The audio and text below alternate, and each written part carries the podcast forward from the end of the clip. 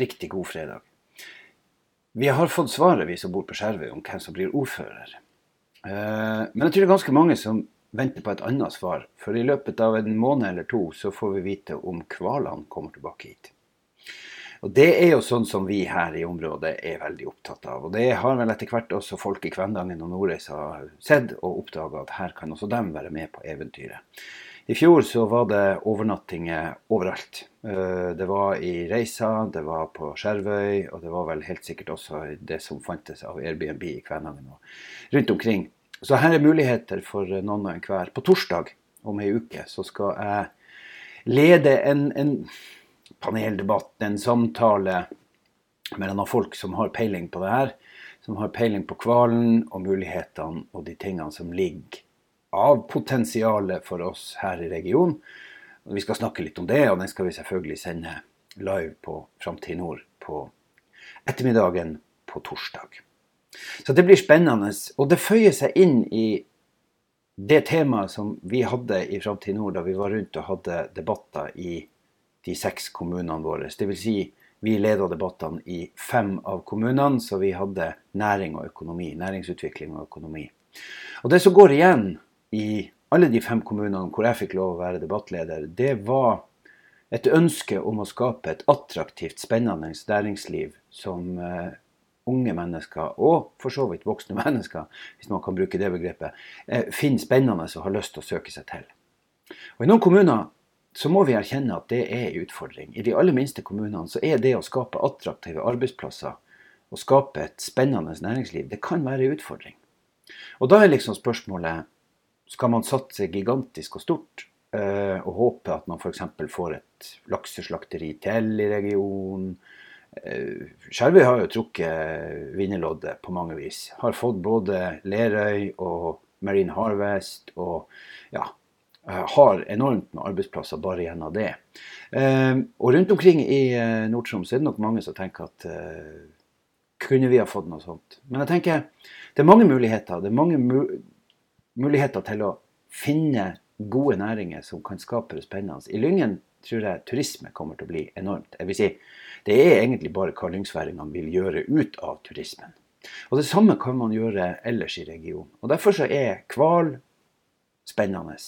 Nordlys er spennende. Isbreer, så lenge vi får ha dem, er spennende. Vi har masse, masse spennende materiale, rett og slett. Vi har naturgitte forutsetninger. Eh, og Det syns jeg er så superspennende å være med på og sitte midt i og se.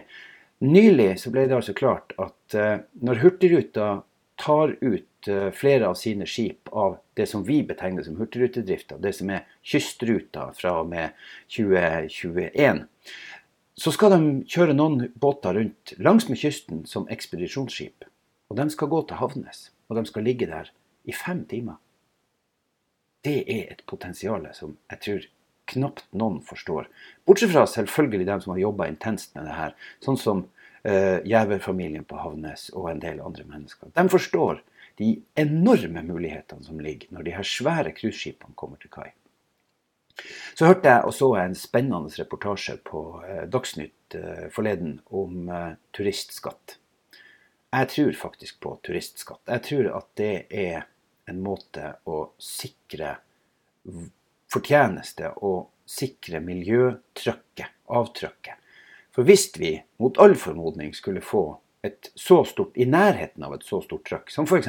Geiranger, som altså har var det åtte millioner turister i løpet av et år, så vil det medføre et enormt fotavtrykk. Og Da er det spørsmål hvordan skal man sørge for å gjøre det minst mulig, eh, og sørge også for at man faktisk tjener penger på det. Eh, og da tror jeg på turistskatt. Og jeg tror det er veldig mange som tror at turistene ikke kommer. Men jeg tror turistene kommer til å komme. For som han sa, direktøren i, i uh, Sky-rederiet, de som reiser på cruise, de har penger til å betale 100 kroner for å gå i land en plass. Og de som ikke har penger til å betale, de går ikke i land. Uh, de sitter om bord. Og så får man et litt lavere trøkk. Så jeg, har, jeg tror på turistskatt. Jeg tror at det kan være en måte å, å skaffe inntekter. Og så tror ikke jeg det er sånn at fordi at vi har veldig få akkurat nå, så kommer vi til å skremme bort. Jeg tror ikke, tror ikke det fungerer sånn. De japanerne, de andre turistene som kommer hit, de har allerede betalt ganske mye for å komme hit, og de er villige til å betale litt mer ennå. Hvis man ser på hva som ligger igjen av klær på hotellrommene i Tromsø midtvinters, så forstår man at uh, money is not an object, som det heter på nynorsk. Så Det er noen mine tanker omkring det her. Men det blir veldig spennende å se. For det første, får vi hval? For det andre, hvordan kan vi utnytte den, det potensialet som ligger i det? Og hva klarer vi å skape igjen i ettertid? For når hvalen en gang drar, for den blir ikke her til evig tid, så tror jeg på at vi kan ha lagt et grunnlag for framtida. Et grunnlag som kan gi store muligheter. Da har vi fått turistene hit. Da har vi fått visst for all verden hva vi egentlig har å by på. Og så kan vi selge på det. Da kan vi selge på at vi har havørn, at vi har uh, Fugløya, at vi har Arnøya, Reisadalen, Jøkkelfjorden, Lyngsalpene, Storfjorden, Store Sted. Vi har så mye å gi turistene hvis vi bare får fortalt dem at vi er her. Vi trenger ikke å være det minste flau i forhold til f.eks. For Lofoten. Vi har vår Lofoten, det bare heter Nord-Troms. Det kan vi leve veldig lenge på, det er jeg helt sikker på. Så jeg tror at næringsutvikling i framtida det handler om å skape spennende arbeidsplasser, og så handler det om å utnytte de naturgitte forutsetningene vi har. Og det er naturen. Og det må vi gjøre på en bærekraftig og smart måte, sånn at vi kan gjøre det i all evig fremtid, uten at vi trør ned og ødelegger den naturen som vi har gitt oss. Vi har en balansegang, vi har en jobb å gjøre der. Så er det jo spennende, da, eh, hvis noen først skulle Jeg starta med å si noe om valget, og jeg har sagt noe om det før, men jeg har bare lyst til å ta det med. jeg har nesten lyst til å bare gni det litt inn. For jeg har mange ganger sagt at dere må bruke stemmen deres, for hver eneste stemme teller.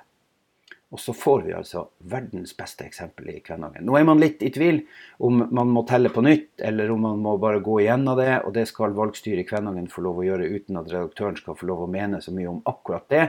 Eh, det kan kanskje virke som at det kan begynne å nærme seg lurt å telle på nytt, eh, fordi at det er en viss uro omkring det. På den andre sida så er det gjerne sånn at dem som har bestemt seg for at det er uro, de kan fort finne på at uansett hva du teller, hvis ikke resultatet blir sånn som man hadde håpa på, så blir det ikke bra uansett. Men det kan kanskje være lurt å gjøre en liten vurdering her, og det gjør jo valgstyret i gang. Men to stemmer er det som gjør at man er veldig usikker. Én og en halv egentlig, når man tar alle de valgtekniske duppedittene og tingsene med i beregning. Men én og en halv stemme var det som avgjorde at én representant falt fra Senterpartiet og gikk over til Arbeiderpartiet. Og dermed så ble hele maktbalansen i Kvænangen endra. Det sier at hver eneste stemme teller. Hver eneste stemme når du går og stemmer. Og til og med om du stemmer blankt, så er det med på å avgjøre valg. Fordi at alle stemmene er med på å påvirke hvordan man skal telle hele resultatet til slutt. Så en blank stemme er òg med på å avgjøre. Så det er ikke nødvendigvis sånn at det var to stemmer til Arbeiderpartiet som var med på å avgjøre. Det kan like gjerne være andre valgtekniske ting som gjør det. Det er det som er så veldig spennende, men det er derfor det er så viktig at vi bruker stemmen vår. Det var en eh, aldri så liten eh, påminner. Nå er det to år til neste valg. Eh, og så er det kommunevalg to år etter det. Går det som enkelte mot Troms og Finnmark vil, så blir det et valg imellom der. Så vi får nå se. Det kan bli mange spennende valg eh, framover. Og da er det viktig å være på plass og vite og bruke sin, sin stemmerett, sin rett til å si hva man mener. Det har jeg veldig tro på. Eh, og så vet jeg at det er noen av dere som mener at det er bortkasta, men det har altså ikke jeg noe tro på. Jeg tror at det er kjempelurt. Jeg tror det er minst like lurt som å bruke refleks. Nei, Jeg tror egentlig helt oppriktig at det å bruke refleks er litt lurere. Så bruk refleks, så får dere ha ei fantastisk helg. Ehm, det er jo litt grått. Eh, blitt høst, fått snø i fjellene. Perfekt for å sitte inne.